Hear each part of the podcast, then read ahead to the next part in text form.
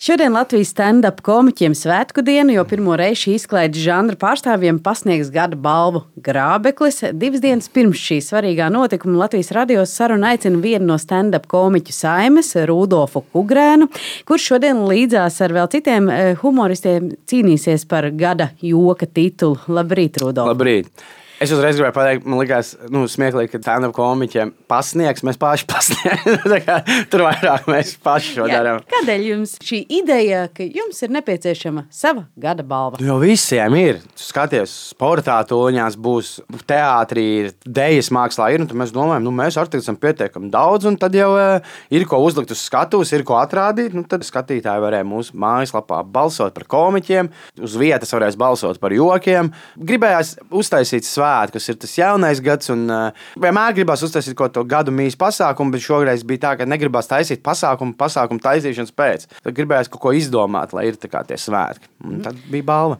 Minējāt, ka esat daudz, cik tad ir plaši tā stand-up komiķu saime, un vai gadu gaitā jūs kļūst vairāk, vai kāds varbūt pamet šo nodarbošanos, izdomā kaut ko citu darīt? Pamet daudzi. Latvijā ir divas apvienības, Rīgas stand-up, kas ir tāda krievalodīga, un ir komēdija Latvijas, kas esam mēs. Bet mēs sadarbojamies viens ar otru, mēs ejam pie viņiem runāt latviešu, viņi nāk pie mums runāt krieviski. Tur nav problēma. Arī publika pārsteidzoši visi, visi saprot. Lai gan man liekas, vairāk problēma ir latviešu publika mazliet, man liekas, nu jau sliktāk saprot krievu valodu nekā krievu valodas publika saprot latviešu, kas ir interesanti. Nu, šajā pasākumā būs desmit. Uz skatuves, man liekas, komiķi. Komēdija Latvija ir. Mēs esam seši tāds pamatsastāvs, un plus tagad ir četri, kas arī regulāri nāk uz opermaikiem un lēnām iet uz to, lai būtu aizvien pilna laika komiķi. Un tad ir vēl daudz, ko mēs saucam par opermaikeriem, kas tagad ir sākuši nākt uz tiem brīviem mikrofoniem. Un tikpat apmēram ir tajā krievu valodīgo Rīgas stand-up. Tas ir opermaik. Opermaik ir vieta, kur komiķis iet testēt materiālu. Mums komēdija Latvija ir divi vai trīs nedēļā, jo joku tu vari iztestēt tikai ar skatītājiem. Un tur, lai saprastu, kā notiek opēmēks, tad pirms tu uzliec joku uz skatuves, kur tu prasi naudu, tu viņu testē desmitiem reižu tajos opēmēkos, lai saprastu, lai viņš ir smieklīgs. Un opēmēkos var pieteikties arī tie jaunie. Tāpēc mēs nekad nevaram opēmēkos garantēt, ka šis būs nereāls pasākums. Jo, piemēram, dažkārt komiķi vienkārši grib mazliet patrenēt savu, piemēram, runāšanu ar skatītājiem. Dažkārt komiķi vienkārši uznāk bez materiāla. Tāpēc uh, Open Mic ir tā, ka mēs norunājam, ir viens vadītājs, vienmēr no mūsu vidas, un norunātie komiķi parasti ir kāds 7 līdz 10 apmēram vienā vakarā. Un beigās ir ziedojums pāns. Ja tev patīk tas vakars, tu iemet ziedojumu, ja nepatīk, nemet. Ja tev patīk uz 1 eiro, iemet 1 eiro, ja tev patīk uz 10, iemet 10. Nu. Joku testēšana minēja tādu vārdu salikumu. Jā. Cik daudz no jokiem, kas tiek iztestēti, nokļūst tavā programmā un ir šī pērle, un mm. cik ir tie pelni, kurus ir jāaizmirst? Mazliet vairāk ir pelni. Nu, tā kā nopietni, jo tu testē dažreiz, tev vienkārši ir ideja, tu domā, aiziet, ah, notestēšu, un tā. Un, un, protams, ir tā, ja uzreiz nesanāk, tas nenozīmē, ka tas ir slikts joks. Tu viņu vari pārlabot, izlabot, kaut ko pamainīt. Bet tā, man liekas, lai saprastu tādā daudzuma ziņā, nu, ja teiksim tā, man kopumā visi joki ir uh, apmēram 12 kladēs pierakstīti. Tad visas izrādes es varu ierakstīt trijās vai četrās kladēs. Bet tas, ka tie joki dažreiz arī tajās izrādēs nav izmantoti, tāpēc, ka varbūt viņi nederēja tieši tajā brīdī, tajā izrādē. Es ik pa brīdim, tagad gatavojot jauno izrādi, paņemu tos vecos pierakstus, pastos un tāds, ah, piesi, varbūt es tajā laikā vēl nemācēju viņu uztaisīt pa joku. Mm -hmm. Dažreiz ir baigi labi iestīties tajos vecos pierakstos un kaut ko izbrāķēt, mazliet tagad pārveidojot, arī kaut kas ir izmainījies pasaulē, ka tagad tas ir atbilstošāks. Bet vai šos jokus jūs testējat tikai uz skatītājiem zālē vai arī? Arī ikdienā tomēr ar saviem līdzcilvēkiem nu, izspēlēt kādu joku? krietni mazāk, tāpēc uz skatuves stāstīt joku ir uh, citādāk. Dažreiz man esamība kopā ar kādiem līdzcilvēkiem kaut kādā pasākumā dod impulsu šo taisīt par stand-up joku. Piemēram, mēs pastāstām kaut kādu joku, kurš varbūt tajā brīdī nebija domāts par stand-up, un tur čomi nereāli sasmējās, un mēs vēl paturpinām to joku. Ir tāds, oh, šī tā laba tēma, tā kā pierakst telefonā, mājasē. Citu, dažreiz ir tā, ka tie stand-up joki ir tā arī radušies, kad jūs ar čomiem nu, tu pasaki kādu joku, jūs smējaties, tad tā, tā ir tā pirmā, tad viens čoms paturpina, ej, jā, tad tur vēl tas un tas, tad otrs paturpina tas un tas.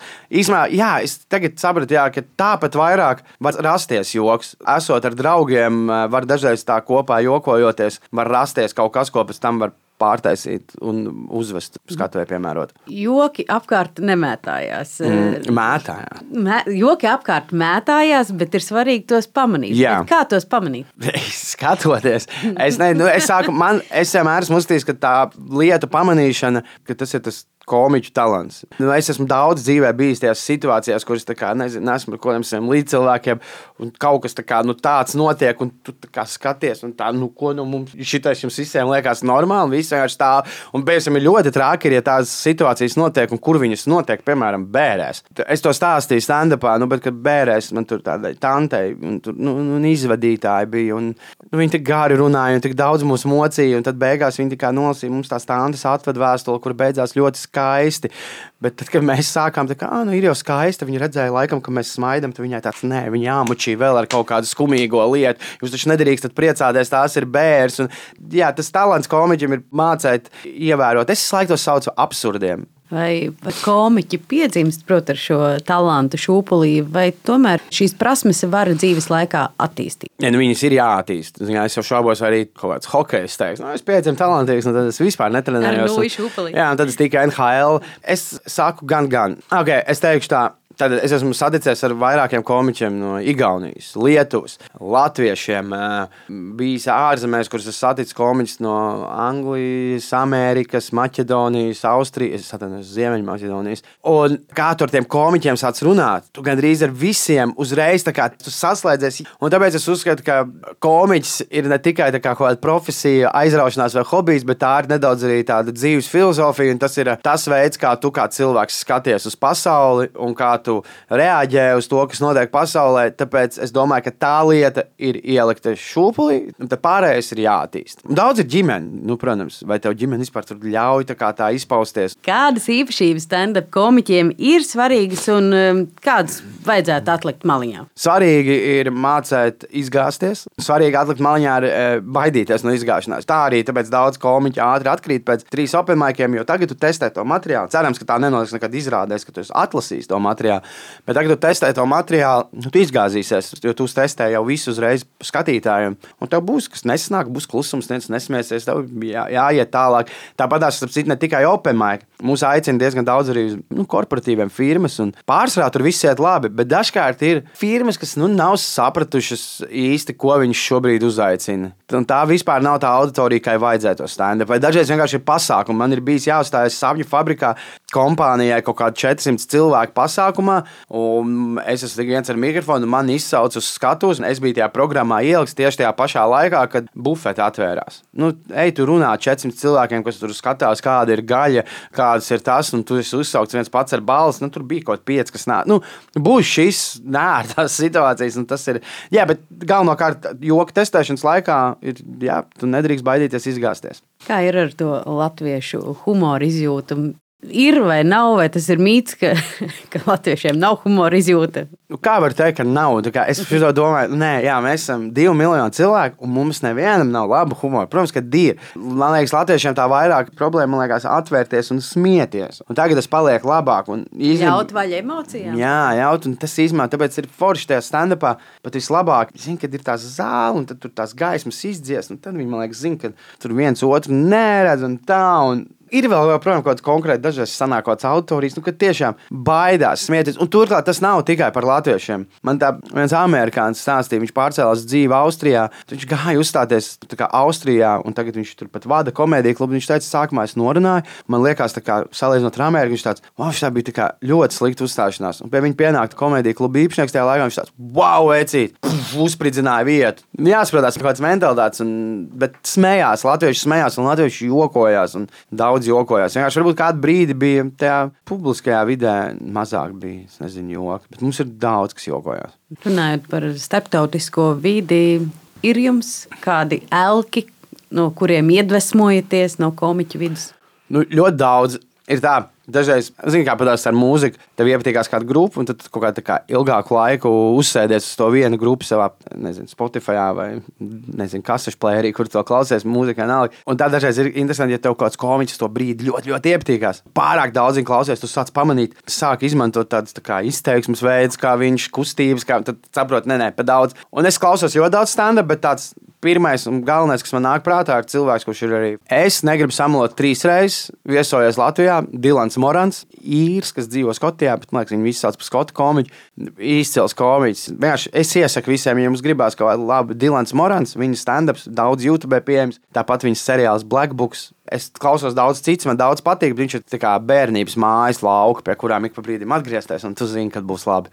Nu, tā, tas ir Dilans Morans. Cik viegli vai grūti Latvijas komiķiem eh, izsisties ārpus mūsu valsts robežām, un eh, cik tad ir jāpiestrādā, lai šie joki ir starptautiski, nevis lokāli? Jāpiestrādā daudz, tāpēc, ka, tad, kad es braucu uzstāties uz Skotijā uz festivālu, tad paņēmu visu pēdējos nu, trīs stundas materiālu, ko esmu izmantojis Latvijā, pat tur trīs izrādēm, tad 70% bija kaut kas tāds, ko nevar visticamāk starptautiski izmantot. 30% bija tas, ko var pārtulkot, un tad bija jāraksta, protams, kaut kādi jauni joki, kaut kādi daži tie, ko nevar pārtulkot, varēja pārtaisīt, bet ar to tādu pavisam, pavisam izsišanos, es domāju, tas ir tieši tikpat viegli kā kādai lielai Latvijas mūzikas grupai izsisties Eiropā vai Amerikā. Nu, mēs zinām, cik daudzām tas ir tā pavisam izdevies, kas ir, man liekas, īsti tā pavisam, pavisam neviena. Jūs man teiksiet, ka prāta vētrā ir tūre Anglijā, bet mēs zinām, kas tur nāk skatīties. Un tāpēc, ne, protams, viņi ir zinām, Polijā zina, viņi ir arī Vācijā zinām, bet nu, viņi nav tomēr iekarojuši tā, ka viņi ir tāds household vārds visā Eiropā. Viņi ir kaut cik izšķies, ir vēl dažas grupas. Visvairāk, man liekas, ir Skyforger izsties, nu, labi, jo viņi tajā savā nišā ir ļoti zinām. Bet kā, tas nav viegli, bet es uzskatu, ka tas nav neizdarāms. Bet vai Latvijā komiķa darbs var būt kā pamatnodarbošanās? Jums tā ir kā pamatnodarbošanās? Jā, man ir bijuši citi darbi, arī paralēli komēdijai, bet šobrīd visi mani darbi ir saistīti ar komēdiju. Es sāku darīt komēdiju, es, piemēram, komēdijā jokoju par sportu. Man uzaicināja vadīt raidījumu par basketbolu ar kolēģiem, ko es vēl joprojām vadu. Es kā personība darbojos arī citā raidījumā.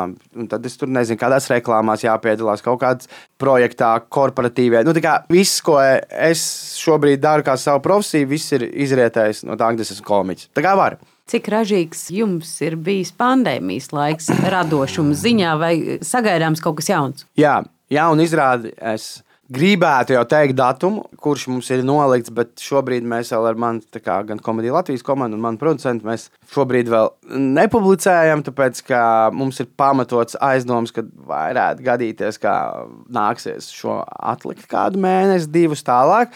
Un ne tikai pēdējie divi gadi, kas notika pasaulē, gan pandēmija, gan nu, diezgan daudz cits ārprāts notiek, man liekas, tā ļoti intensīvi. Tā kā ražīgi joki radās. jā, jā, jā, par ko jokoties bija.